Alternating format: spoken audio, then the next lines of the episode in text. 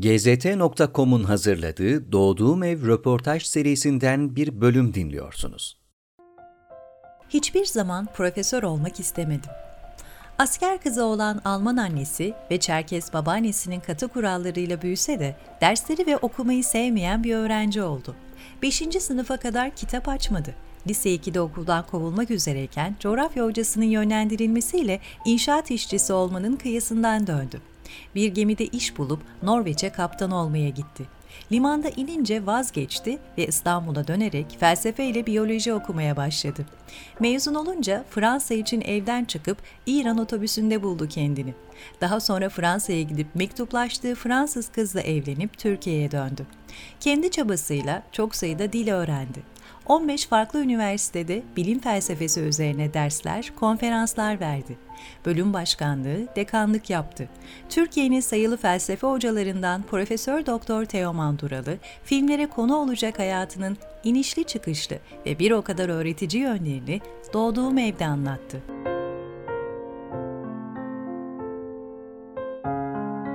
Yıl 1947. Yer Zonguldak. Teoman Duralı nasıl bir evde doğdu? Zonguldak yakınlarında Kozlu diye bir yerde dünyaya geldim. Kozlu'nun Kılıç mahallesinde. Kozlu eskiden nahiyeydi. Babam o e, Kozlu'daki elektrik santralında görevliydi. E, bu elektrik santralı madenlere enerji veriyordu. E, çocukluğum Zonguldak'ta geçti. 3 yaşındayken Kozlu'dan Zonguldak'a geldik ve 51'de Çatalazı'na geçtik. Babam orada elektrik santralı müdürü oldu. 54'de deyin orada bulundum. İlk okula orada başladım. Köy okuluydu. Ee, 54'te milletvekili seçilince babam benim cennet hayatım bitti. Ankara denilen cehenneme geldik. Zonguldak'ta bulunduğunuz süre içerisinde nasıl bir çocukluk geçirdiniz?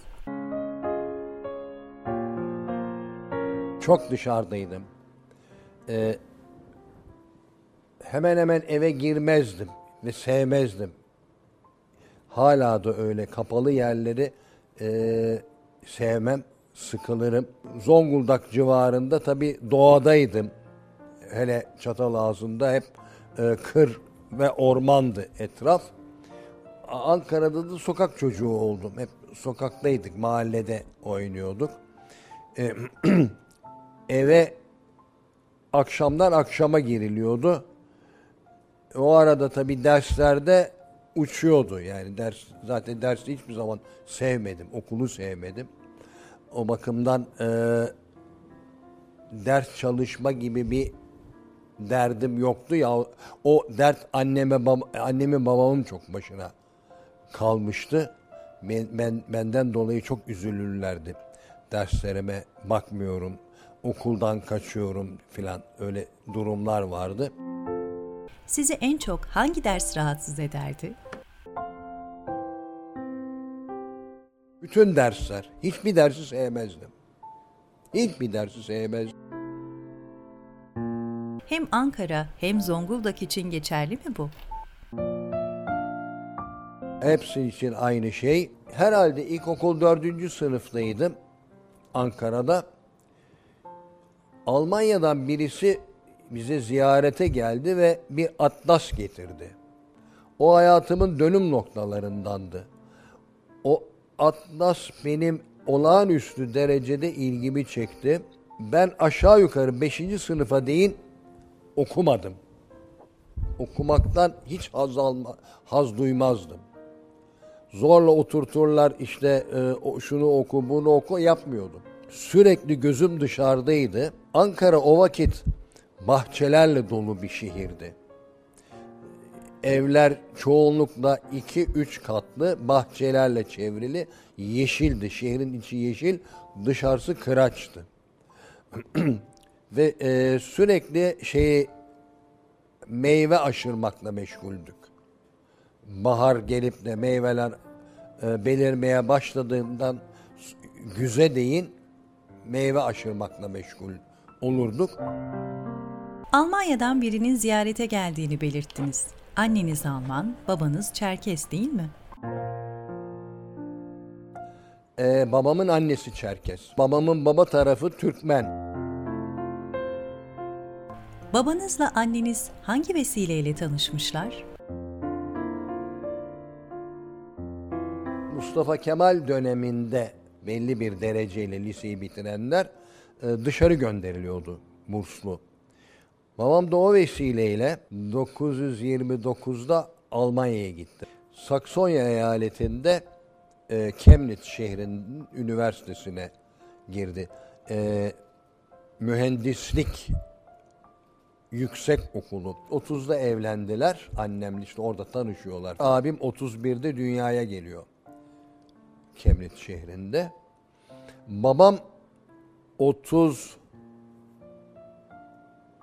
3'te Berlin'e gidiyor. Bir yılda Berlin'de yüksek mühendislik tahsili görüp 34'te Türkiye'ye dönüyor.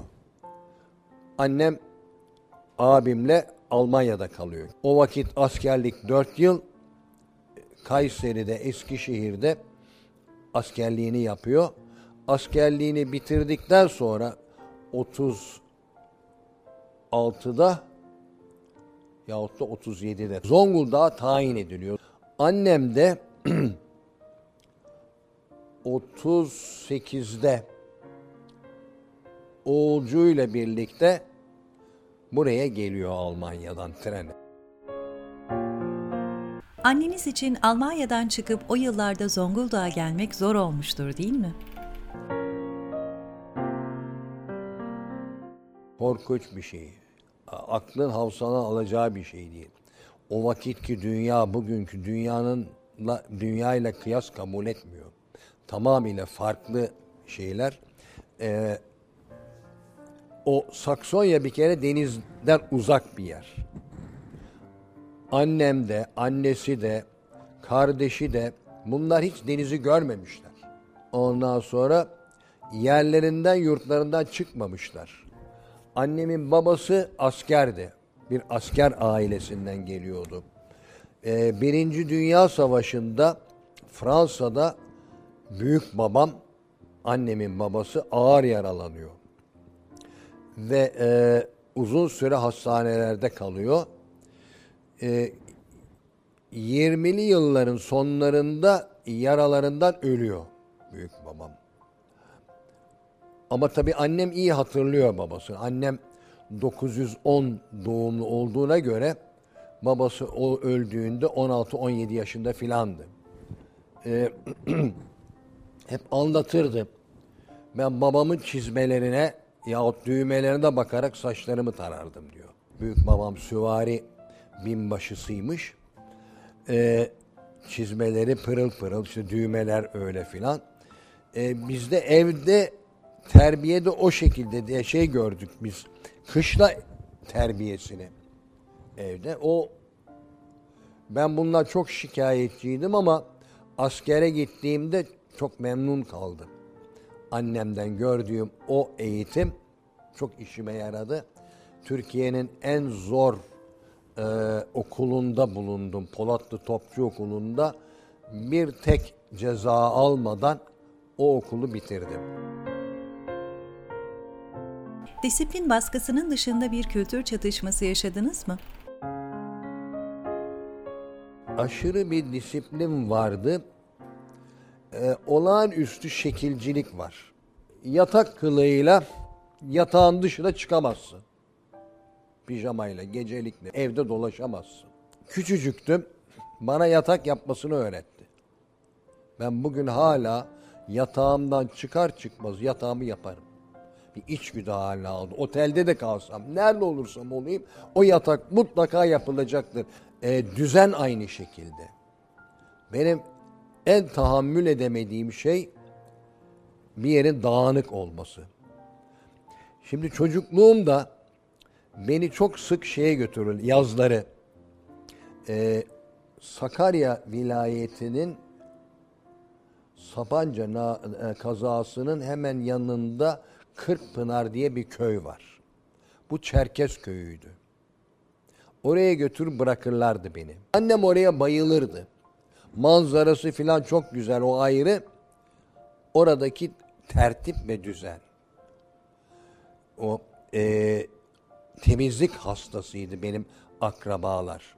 Babamın akrabasını tanımadım. Bütün benim akrabam babaanne tarafıydım. Ve bunlar dediğim gibi Çerkez soyu kurutulmuş Çerkezlerden.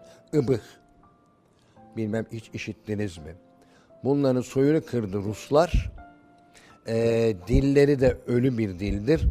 Nitekim benim büyüklerim ıbıhça bilmezdi. Adige konuşurlardı aralarında. Ana dilleri ıbıh olmakla birlikte Adige konuşurlardı. Annem onlara hayrandı. Onların tertipliliğine, titizliğine, e, düzenlerine vesaire. Gönül rahatlığıyla beni bırakırdı orada ve giderdi. İstanbul'a veya Ankara'ya dönerlerdi. E, ben de birkaç ay orada kalırdım. Ve orada e, enfes Çerkez dansları seyrederdim. Kendi aralarında eğlenirlerdi gençler ve o e, kendilerine mahsus kılıklara bürünür- bürünürlerdi. En dikkat çekici taraf erkek erkektir, kadın da kadındır. Ama o erkekliği kadının karşısında dururdu. Kadına son derece saygılıydılar. E, bu babamda da olan bir olaydı ve babamdan ben bunu çok küçük yaştan itibaren gördüm. Kadına saygı göstermek ve e, saygıdan da öte bir huşu duymak. Çünkü en e, kutsal varlığımız annemizdir ve o da bir kadındır. Aa, babam anneme saygısızlık etmemi hiçbir zaman e, şey yapamazdı. Katlanamazdı buna. Yani e, tanık olduğunda ben anneme şöyle bir ters bir laf söyleyeyim filan falan çok sert bir adamdı. O Dayaktan kurtulamazdı. Okul günlerine dönersek, okumayı sevmeme döngüsü ne zaman kırıldı? Bugün bir profesör var karşımızda.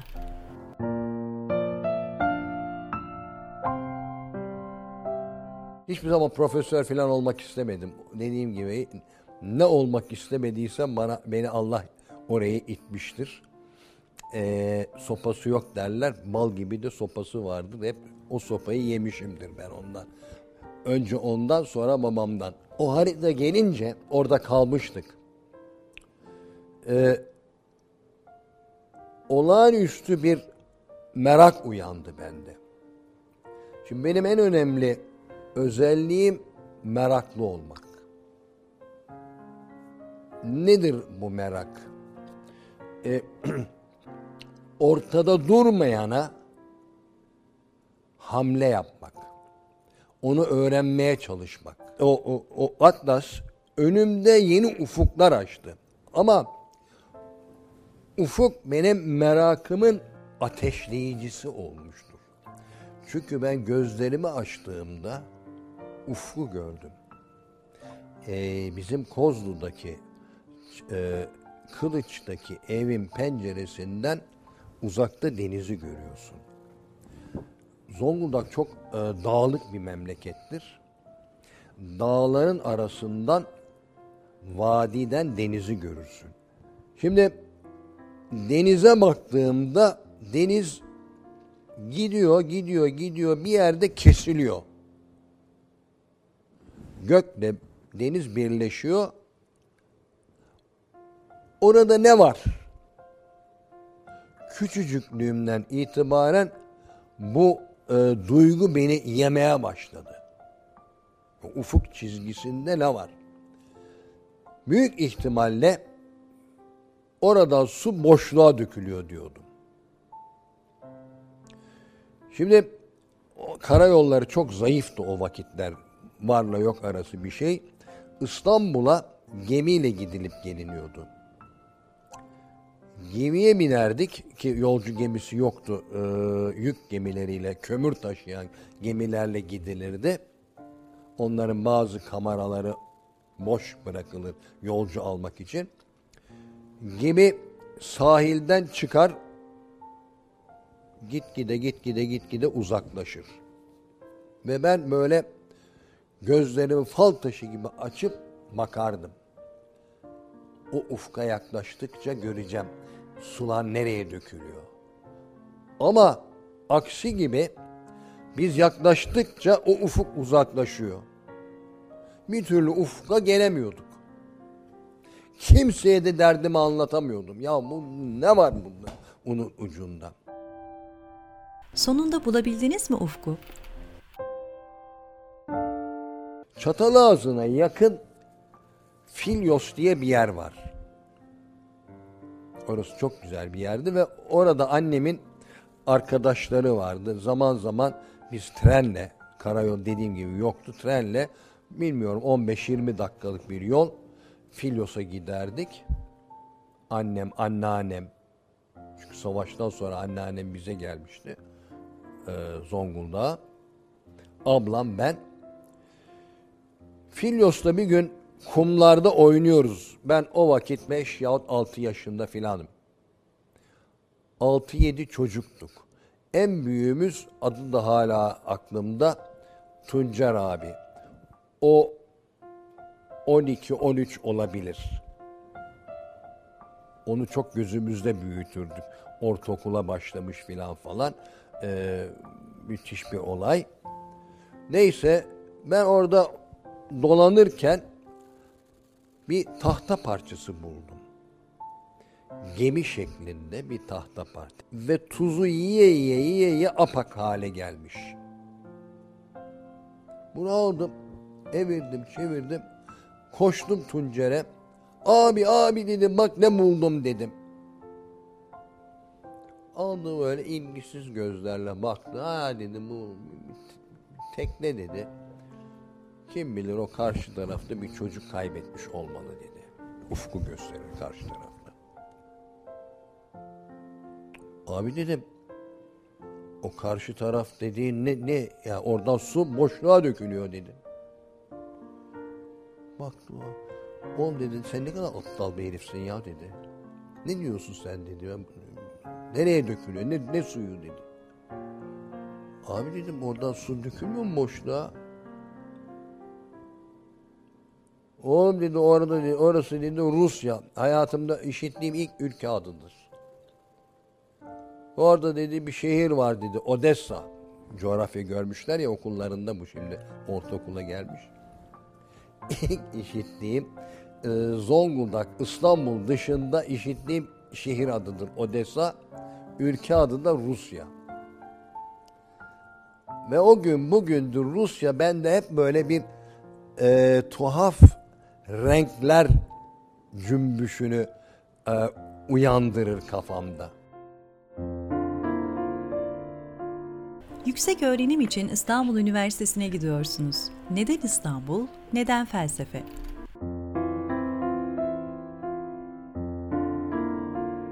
Ankara benim için bir mahkumiyet dönemi oldu.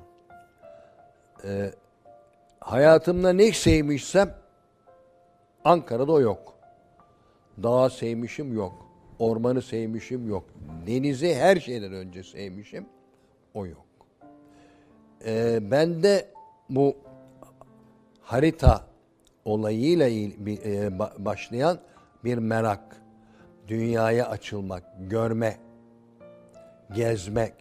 Ben o haritalardaki adları ezberliyorum. Denizleri, şehirleri, dağları, e, olağanüstü bir coğrafya bilgisi belirmeye başladı. İşte beni sınarlardı. Falanca ülkenin baş şehri. İşte ha, e, filanca ırmak nereden akar? Nereden doğar, nereye gider? Olmadık, olmayacak e, bilgilerle. Ama dediğim gibi bunlar bir tutku halindeydi. Ve e, bu coğrafya tutkusu beni okumaya sevk etti. Evde kitap çoktu. bu kitapları yutmaya başladım. Ee, abim müthiş bir asker delisiydi ve İkinci Dünya Savaşı ile ilgili e, çok zengin bir kitaplığı vardı. Ben de coğrafyanın yanı sıra askerlikle ilgili e, kitapları, metinleri okumaya başladım. Bunlarla ben Almanca okumayı öğrendim. Ben hiç okula okula gitmedim Almanca üzerinde. Annemden aldığım pratik bilgilerle başladım. Okumayı, yazmayı hepsini kendim kendi kendime öğrendim.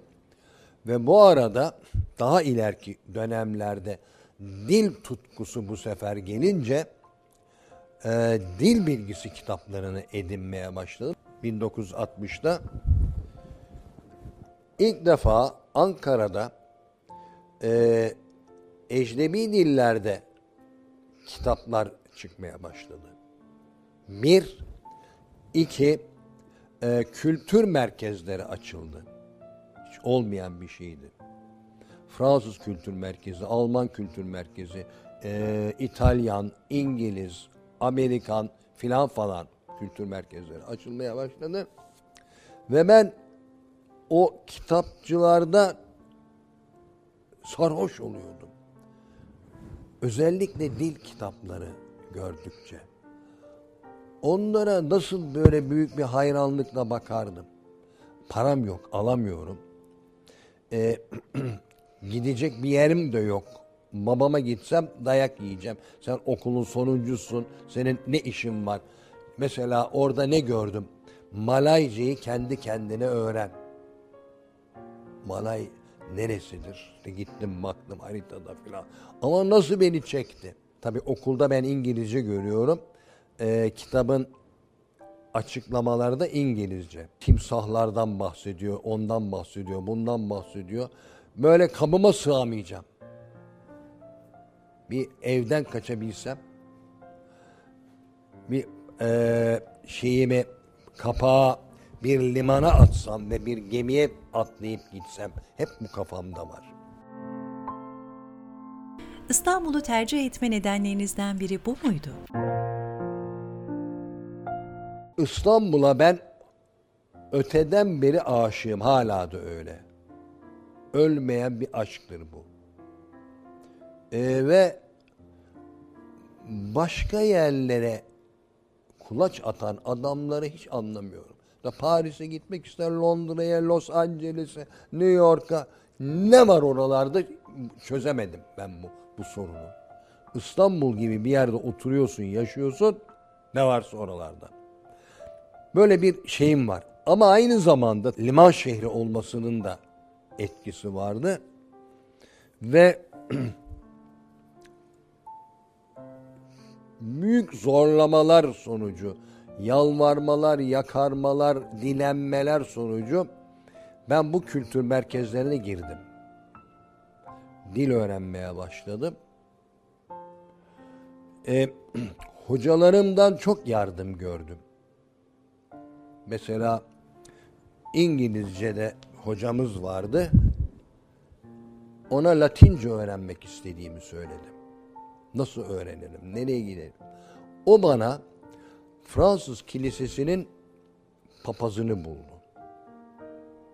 Bu adama gittim.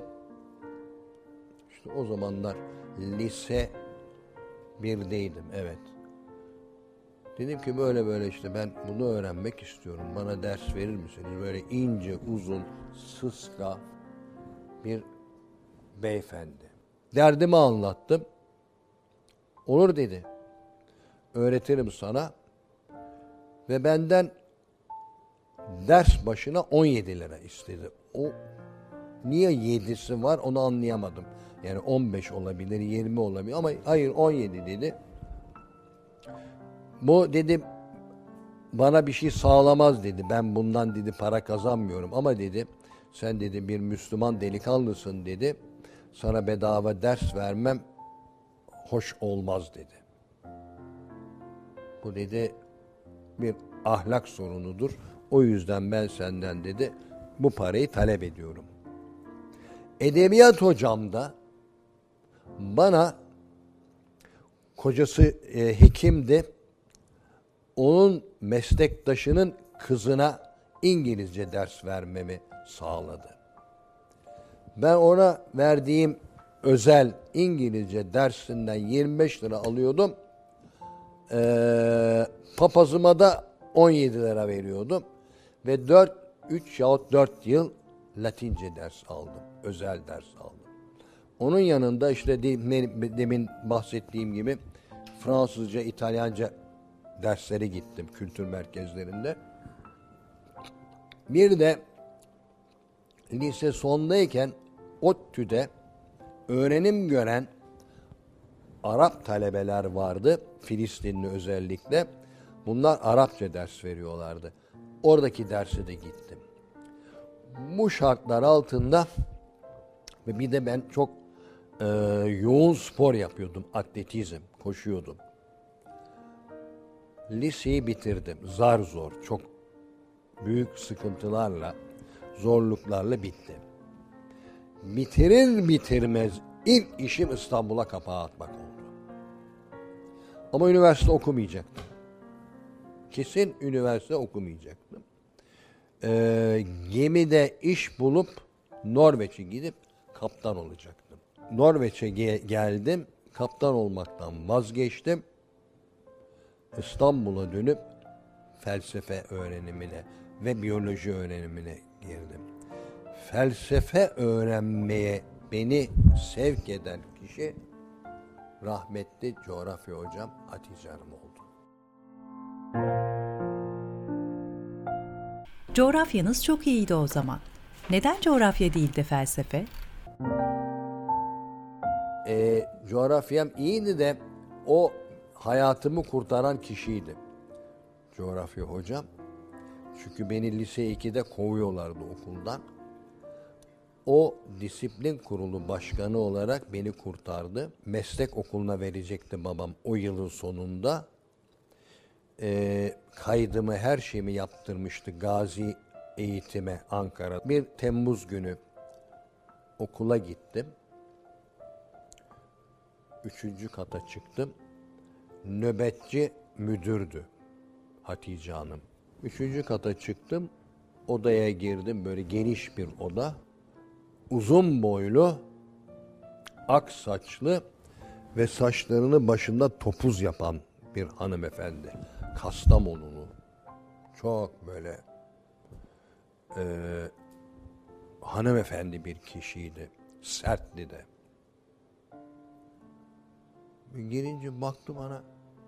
Hayrola dedi. Ne işin var burada dedi. Ben de ezile büzüle hoştu. Hocam dedim. Babam beni gazi eğitime yazdırdı. Beni de götürdüler, gösterdiler işte.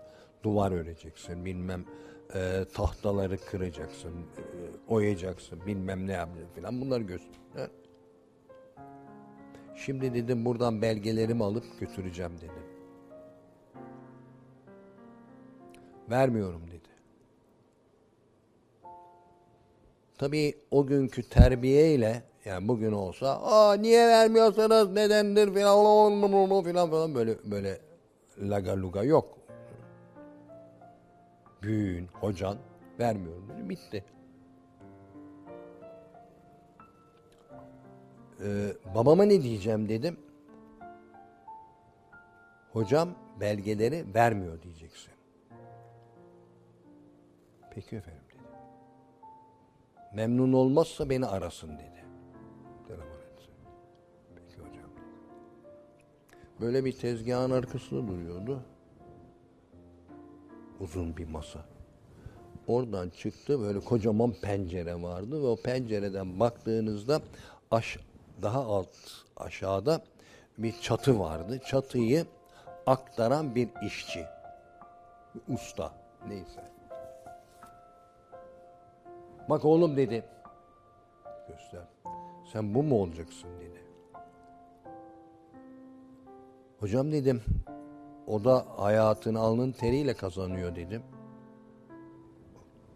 Ben sana alnın teriyle kazanmıyor demedim ki dedi. Gayet tabii dedi. Onun dedi ka- kazancı helaldir dedi. Ama oğlum dedi sen onu beceremezsin dedi. Senin elin o işe yatkın değil dedi. Hocam benim işim neye, benim elim neye yatkın dedim. Hiçbir şeye dedi. Sen dedi kafan işliyor dedi. İlk defa ondan bu lafı akıl varlığısın dedi. Peki dedim ben bu aklımla ne yapabilirim dedim. Felsefe okursun dedi. İlk defa orada bu kulağıma üflenmiş bir laftır. Ve ondan sonra ben bundan bir daha kurtulamadım. Babanız nasıl razı oldu? Akşam geldi babam eve. Ne oldu dedim. Hocam vermiyor dedim. Hangi hocam dedi. Coğrafya hocam dedim. Şimdi babam tanımazdı hocalarım çünkü annem hep velim olurdu. Babam hiç ilgilenmezdi okulumla. Ee, okulumla ilgilense kan basıncı çok yükselecek çünkü. Annem bütün işleri yürüten ve annem benden dolayı nasıl utanıyor anlatamam size. O yıl sonları ya dönem sonlarında karne zamanında sokağa çıkmaya cesaret edemezdi kadın. Çünkü işte mahalle gelirler. Aa efendiciğim işte bizim kızımız hep de kızlarda oluyor bunlar ne kerametse. Kızımız Refia uh, ama can sıkı, sıkıcı bir karne. Hep peki, hep peki. O zaman notlar yoktu. İyi peki, iyi zayıf filan falan. Eminim oğlumuz Teoman da kim bilir ne kadar iyi notlar getirmişti. Halbuki mesela 17 dersler 13'ü kırık. Öyle bir rezalet bir karne. Yani neden geçmişim? Dinden geçmişim. Jimnastikten geçmişim. e, müzikten geçmişim filan. Öbürleri hepsi nanay. Nerede kaldıydım? Ee, dedim ver, vermiyor deyince işte kimdi? Coğrafya hocam filan vermiyor dedim. Sustu. Bir şey söyleyemedi. Annem zil takıp oynayacak bir yerlerde. Göstermiyor tabii arkalarda bir yerlerde. Ama nasıl seviyor. Ve nasıl üzülmüştü beni alıyor diye. Ah ah o kadın. Yüreğe duracak neredeyse. Neyse. Bu hocam sayesinde ben o okulu bitirdim. Atılmaktan da kurtuldum. Gazi eğitime verilmekten de. Ve nihayet eee, bitti işte buraya geldim. Burada eee, bir Türk şirketinin gemisinde iş bulup eee, gemide çalıştım. 8-9 ay kadar. GZT.com'un hazırladığı Doğduğum Ev röportaj serisinden bir bölüm dinliyorsunuz. Yeni bölümlere herkesten önce erişebilmek için GZT uygulamasını iOS ve Android marketlerden indirebilirsiniz. Gemi hayalinize kavuşmuşsunuz. Neden kaptan olmadınız? Kuzey Avrupa'ya, e, Norveç'e gittik. Oslo'ya kadar. 28 Aralık 1967 sabah saat 6 sularında karanlık, soğuk, kış günü vardık oraya. Ben orada gemiden kaçacak ve kaptanlık okuluna yazılacaktım. Yarı yoldan döndüm. Niye döndüm sormayın bilmiyorum. Döndüm. Ee, ürktüm herhalde. Nefis bir manzaraydı. Karlar altındaydı o şehir. Ve sabah saat 9 sularında ben limandan çıktım. Tek tük insan var. Sonra sonra gidiyorum. Bu deniz okulu nerede? O soğuk, o yalnızlık. Ee, beni ürküttü bir şekilde. Ne oldu bilmiyorum. Ama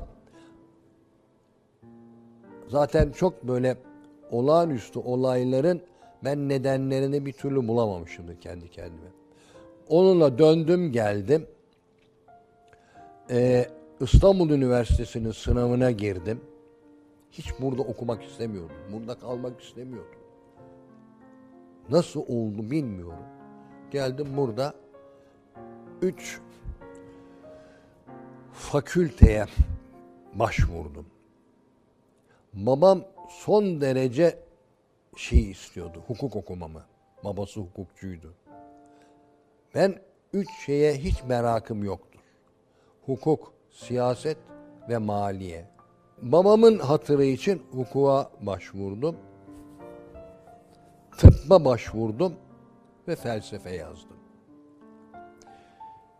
Çok yakın bir arkadaşım, çok sevdiğim benden büyük bir arkadaşım tıp okuyordu. Oğlum dedi sen hekim olmayacaksın. Olamazsın çünkü bir kere kan göremiyorsun dedi. Niye dedi tıp okuyacaksın? İşte dedim tabiatı anlamaya dedim. Sen dedi gir felsefeye ve biyolojiye dedi. Senin dedi tabiatını dedi biyoloji tatmin eder dedi. Hiç aklıma gelmemişti. Ve ben onun tavsiyesi üzerine felsefeyi seçtim. Onun yanında biyolojiyi de yazdım. Kazandım. Üçünü de kazandım. Geldim. Babam küplere bindi. Müthiş kızdı felsefe seçtiğim için. Olacak iş değil dedi. Böyle bir şey olmaz dedi. Böyle döndü dolandı ortada. Tamam dedik şimdi gene köteyi yiyeceğiz herhalde dedim. Ama ben kocaman bir adam olmuştum o zaman. 20 yaşında filandım. Bu şartlarda dediğim gibi felsefeye girdim. Biyolojide o zaman biyoloji bölümü yoktu. Ee, çok sevdiğim bir hocam bitki bilim kısmındaydı, botanikteydi. Benim bitkilere hiç merakım olmamasına rağmen hayvanlarla işim vardı. O adam botanikte olduğundan ben de bitkilere girdim. Ve onun sayesinde bitkilerle tanıştık. Onu okudum. Tabii sonradan ilerleyen günlerde e, zoolojiye, hayvan bilimine de geçtim. Onu, orada da ders gördüm filan falan ama esasım bitki kısmındaydı. E, bu şartlar altında mezun oldum. 1988 yılında profesör oluyorsunuz. Anneniz ve babanız hayatta mıydı?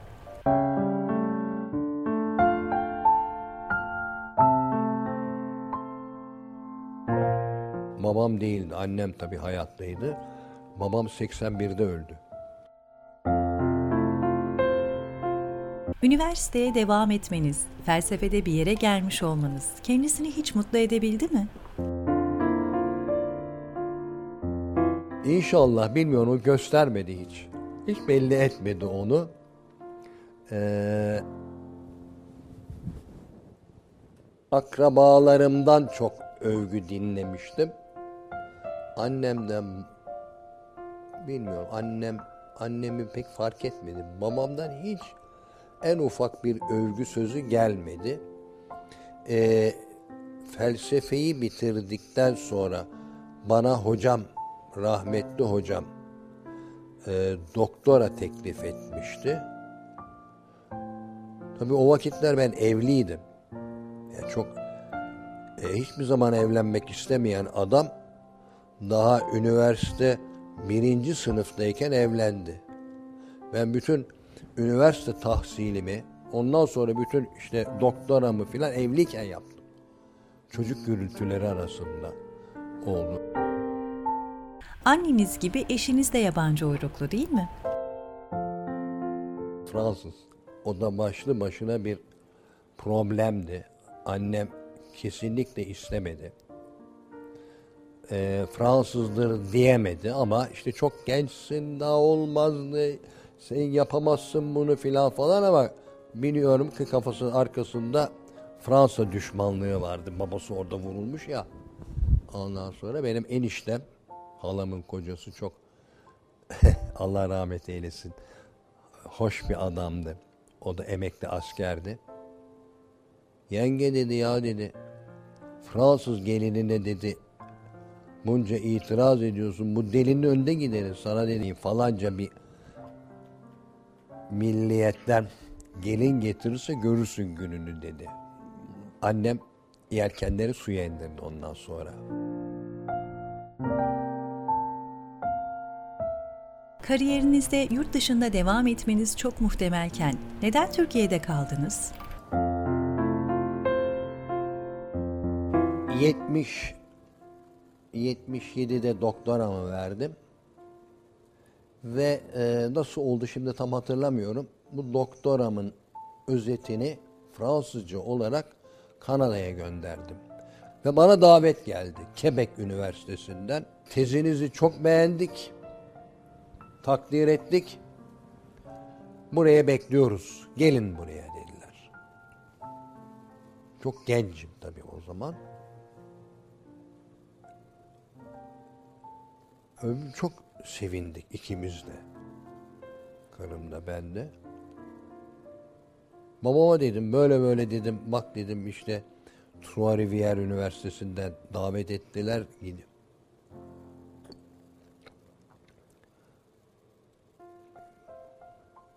Son Osmanlı olarak ağzı bozuk bir adamdı. Ulan dedi bu hırtlar dedi. Ee, burada yetişmiş adam. Sen dedi buranın ekmeğini yedin oğlum. Burası seni yetiştirdi, okuttu. Buraya değil, dek dedi şu şeye kadar işte doktorana kadar.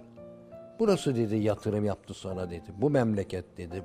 Bu dedi tabanı yarık, cebi delik millet dedi. Sana baktı dedi. E şimdi bunlar Pars'ı kapacaklar dedi. Buranın dedi verdiklerini onlar sömürecekler dedi.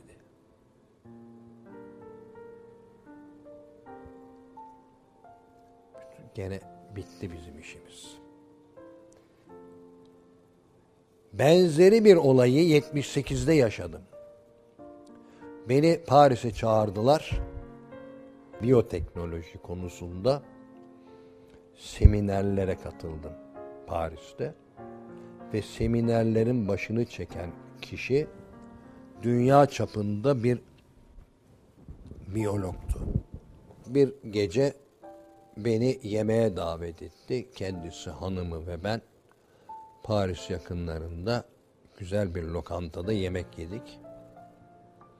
Bana gel dedi burada doktoranı yap. Ve burada kal dedi.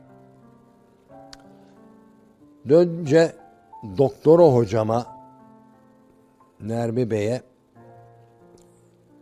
böyle böyle dedim. Ya dedi demek ki Teoman bizi terk ediyor dedi. Bütün verdiklerimizi sermaye etti ve şimdi basıp gidiyor. Nedense kimseye bunlar yapılmaz. Benim bu püf noktamdır ve hep bana bu getirilir. Şimdi annemden babamdan da öyle ama bilhassa annemden aldığım sadakat ve vefa. O kadar berbat bir şey ki bu. Ben bunun o kadar zararını gördüm ki hayatımda. Ve bir türlü de kurtulamadım bundan.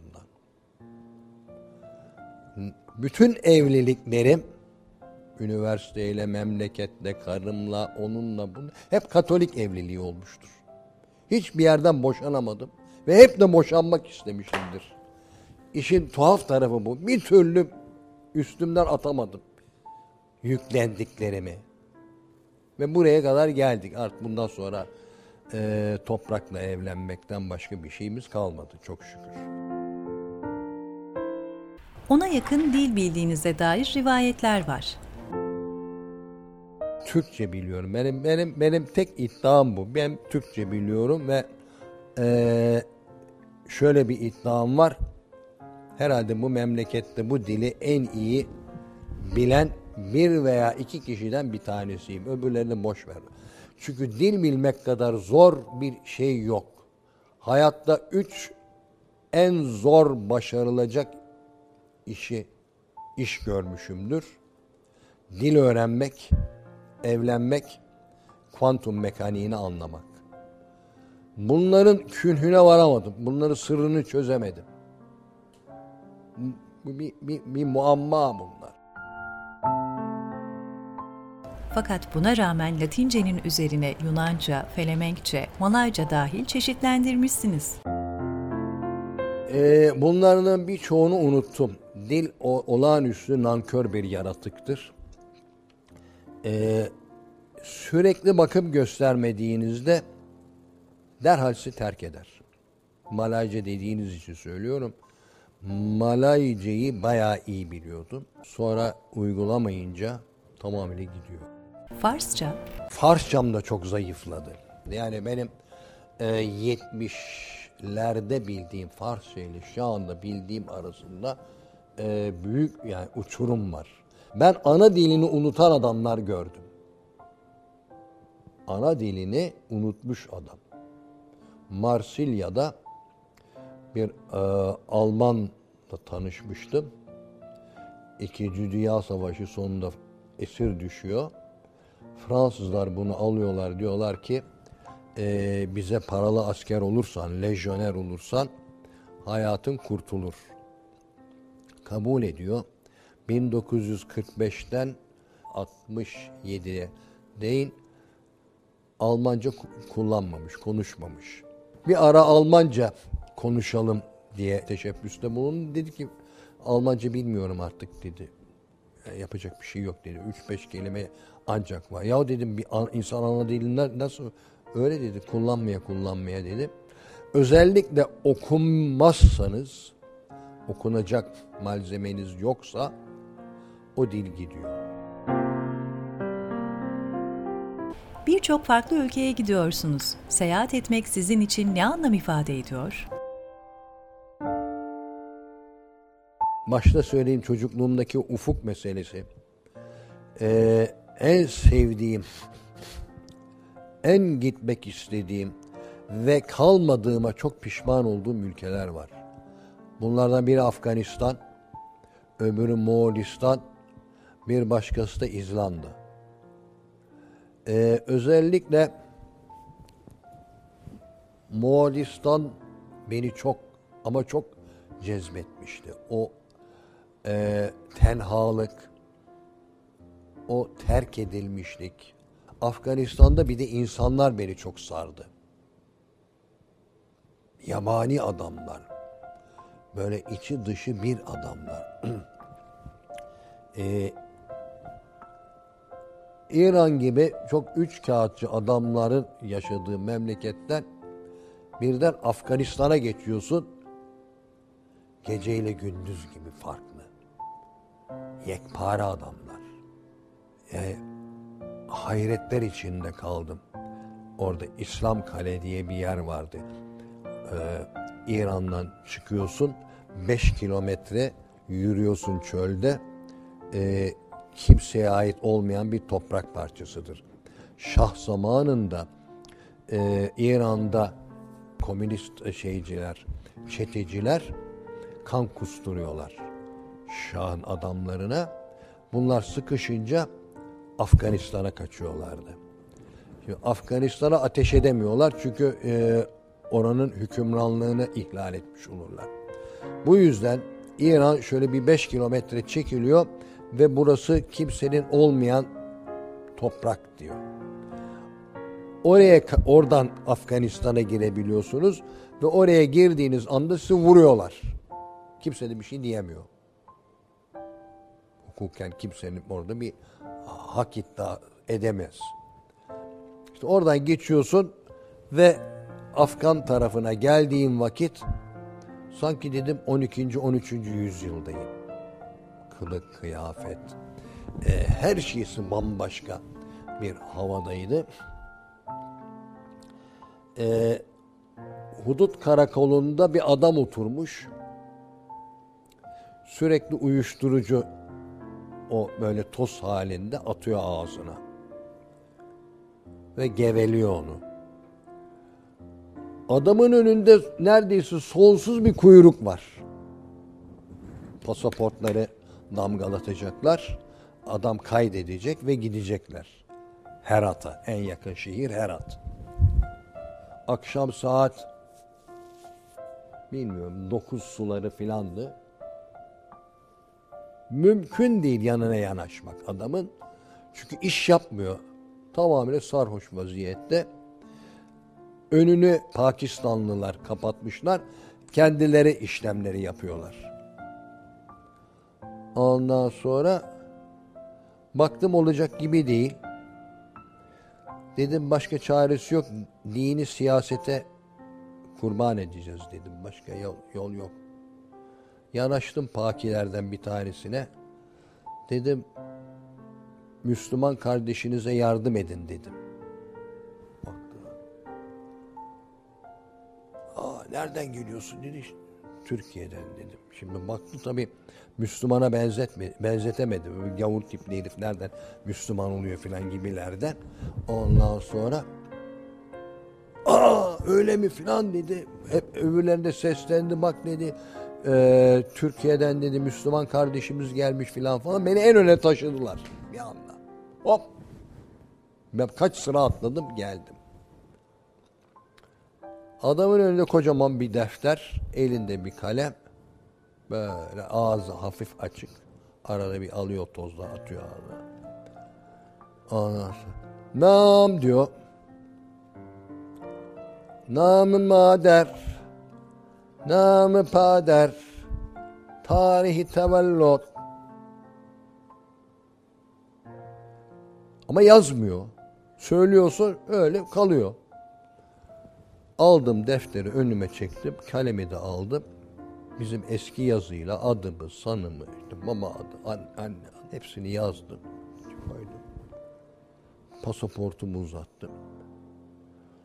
Şimdi alıyor damgayı vuracak ama yanlış yere gidiyor. Aman ha. Aldım elini tuttum. Vurdurdum oraya. Ondan sonra kapattım defterimi. Pasaportu koydum cebime ve otobüse gittim. Çocukluğumdan kalma otobüs. Tahta karoserli. Üstünde denk bavul filan koyuyorsun. İçerisi oturulacak gibi değil kokudan, sıcaktan filan. Merdivenden yukarı çıktım yüklüğe. Orada serdim postumu. Oh. Asya'nın uçsuz bucaksız göğü altında. Herat'a doğru yola çıktık. Zifiri karanlık. Elektrik falan yok etrafta. Orada dedim ha dedim ben dedim yerime varmışım. Burada kalsam diye düşündüm. Ama kader çok fena çarptı Afganistan'ı. Ben ayrıldıktan kısa süre sonra e, saplandıkları savaş batağından bugüne kadar kurtulamadı o aziz millet. Seyahate çıkmaya nasıl karar veriyorsunuz? Bir seyahat programınız olmuyor sanırım çoğunlukla. Kendiliğinden Fransa'ya gidecektim ben esasında. Çünkü bir yıl önce tanıştığım sevgilime söz vermiştim. Ben geleceğim dedim. Aslında orada okumamı istiyordu. Burada okursun dedi. İşte o e, okuyacağım şehirde babasının evi vardı. Burada kalırız dedi. Şu olur bu olur ben dedi çalışırım. Sen okursun dedi. Sonra sen çalışırsın. Bana bakarsın filan dedi. Kadınlarda görmeye alışık olduğumuz fedakarlıklar. Yapamadım olmadı bilmiyorum. Ve geleceğimi söyledim. Ama biraz da laf olsun diye. Yani onu razı etmek üzere söylenmiş bir laftı. Geleceğim, döneceğim falan. Ama bu peşimi bırakmadı. Sürekli olarak mektuplaşıyoruz tabii. Geleceksin değil mi? Ne zaman geleceksin? İşte seni bekliyorum. Artık gel. Tamam dedim işte geliyorum. İşi de bırakmıştım burada. Tam ben biletimi milletimi alacağım. Tabii o zaman uçak falan yok. Şeyle gideceğim. Bilmiyorum ya tren ya da otobüsle. Beyazıt'ta fakülteden çıktım, dersten çıktım. Yolda yürürken bir otobüs gördüm. Üzerinde bizim eski yazı, Arap yazısıyla Mihantur yazılı. Üniversitede Farsça derslere de giriyordum. Otobüse gittim. Sürücüsü içinde oturdu. Böyle hafif uyukluyordu. Camı tıklattım. Açtı. Noah dedi. Bu araba nereye gider dedim. Önce Türkçe sordum. Anlamadı. Sonra Farsça konuşmaya başladı. Ee, biz dedi Tebriz'e gidiyoruz dedi. Tebriz'e dedim. Evet. E dedim nereden bilet alınır dedim. Hemen yandaki şeyi gösterdi. Dükkanı gösterdi. O Laleli caminin altında orada bir dükkanı gösterdi. Ben de dükkana girdim. Tebriz'e kaç para dedim. Tamam dedim sen bana bir bilet kes dedi. Çalıştığım yerden de ya o gün ya bir gün önce paramı almıştım. istifa ettim ya. Çıkardım parayı verdim. Arkasından gittim. Bir başka değiş tokuş yapan dükkanlar var. Döviz alıp satan dükkanlar. Oradan da bir miktar mark aldım. O zaman en güçlü parası Alman markı. Üstümde de o 6 bin lira vardı. Türkiye'nin dışına 2 bin liradan fazla çıkarmak yasaktı. Buna rağmen ben o paraları sakladım. Aldığım marklar ve 6 bin liramla atladım Mihantur'a. Fransa'ya gideceğime Afganistan'a ve oradan da Hindistan'a gitmek üzere yola çıktım. 15 farklı üniversitede bilim felsefesi üzerine dersler, konferanslar verdiniz. Bölüm başkanlığı, dekanlık yaptınız. Bu bilime yıllarınızı verdiniz. Felsefe size ne kattı? Türkiye'de 15 yahut 16 üniversitede ders verdim. Ee, bunların çoğunu tayinle oldu. Yani ben elimi kolumu sallayarak geleyim işte ders vereyim falan şeklinde değil. Tayin etmişlerdir beni. Mesela Doğu Anadolu'ya, Elazığ'a e, YÖK beni tayin etti. Aynı zamanda aynı dönemde Diyarbakır ve e, Malatya'da ders verdim. Sonra uzunca bir süre e, Adana'da e, Çukurova Üniversitesi'nde ders verdim. Başka Erzurum, Sivas, çoğunlukla doğuda ders verdim. Bile bile Lades, Lades'i bilir misiniz? Bile bile oldu bu. Babamın bana kızmasına hak verseydim ve girmeseydim felsefeye e, doğru bir iş görmüş olurdum. E, çünkü söylemesi çok zor ve ağır bir şey söyleyeceğim şimdi. Kişiler gibi milletlerin de yatkınlıkları vardır. Çok kısa özet olarak söyleyeyim. Bizim felsefeye yatkınlığımız yok. Ee, üç aşağı beş yukarı sıfıra sıfır elde var sıfır. Milliyetçiliğim dile dayalıdır benim. Dil milliyetçisiyim. Ve hemen hemen bütün eserlerimi bir kitabım hariç, onu da Malezya'da yazmıştım. Ee, Türkçe yazdım. Bunlar gömseydim daha iyi olurdu. Hiçbir etkisi, hiçbir sonucu olmamıştır. Olacağı da yok. Dediğim gibi babam beni bunda çok uyardı. Ee, olmaz dedi. Bu sökmez dedi. Çok tuhaf bir şey. Ben üniversiteye girmeden bir sürü başka işte çalıştım. Bir ara Boğaziçi Üniversitesi kütüphanesinde gece memuruydum. Gündüzleri de o sırada doktora çalışmasını yapıyorum.